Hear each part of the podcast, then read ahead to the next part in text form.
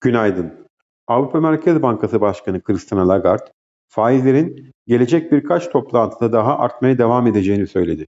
Cleveland Fed Başkanı Loretta Mester, Fed'in faiz oranlarını arttırması ve bir süre için politikayı sınırlayıcı tutması gerektiğini belirtti. Yurt içinde reel kesim güven endeksi Eylül ayında bir önceki aya göre %1.2 azalarak 100.2 ile Temmuz 2020'den bu yana en düşük seviyesine gerilerken endekste son 9 aydır üst üste düşüş kaydedildi. Reel kesim güven endeksindeki zayıflığa rağmen Eylül ayında mevsimsellikten arındırılmış kapasite kullanım oranı bir önceki aya göre 0.7 puan artarak %77.3'e yükseldi.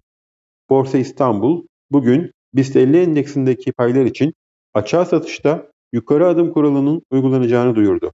Bugün yurt içinde ve yurt dışında önemli bir veri akışı bulunmuyor. Bu sabah Asya endeksleri karışık bir görünüm sergilerken ABD vadeli endeksleri ise alıcılı işlem görüyor. Borsa İstanbul'da hafif alıcılı bir başlangıç öngörüyoruz. İyi günler, bereketli kazançlar.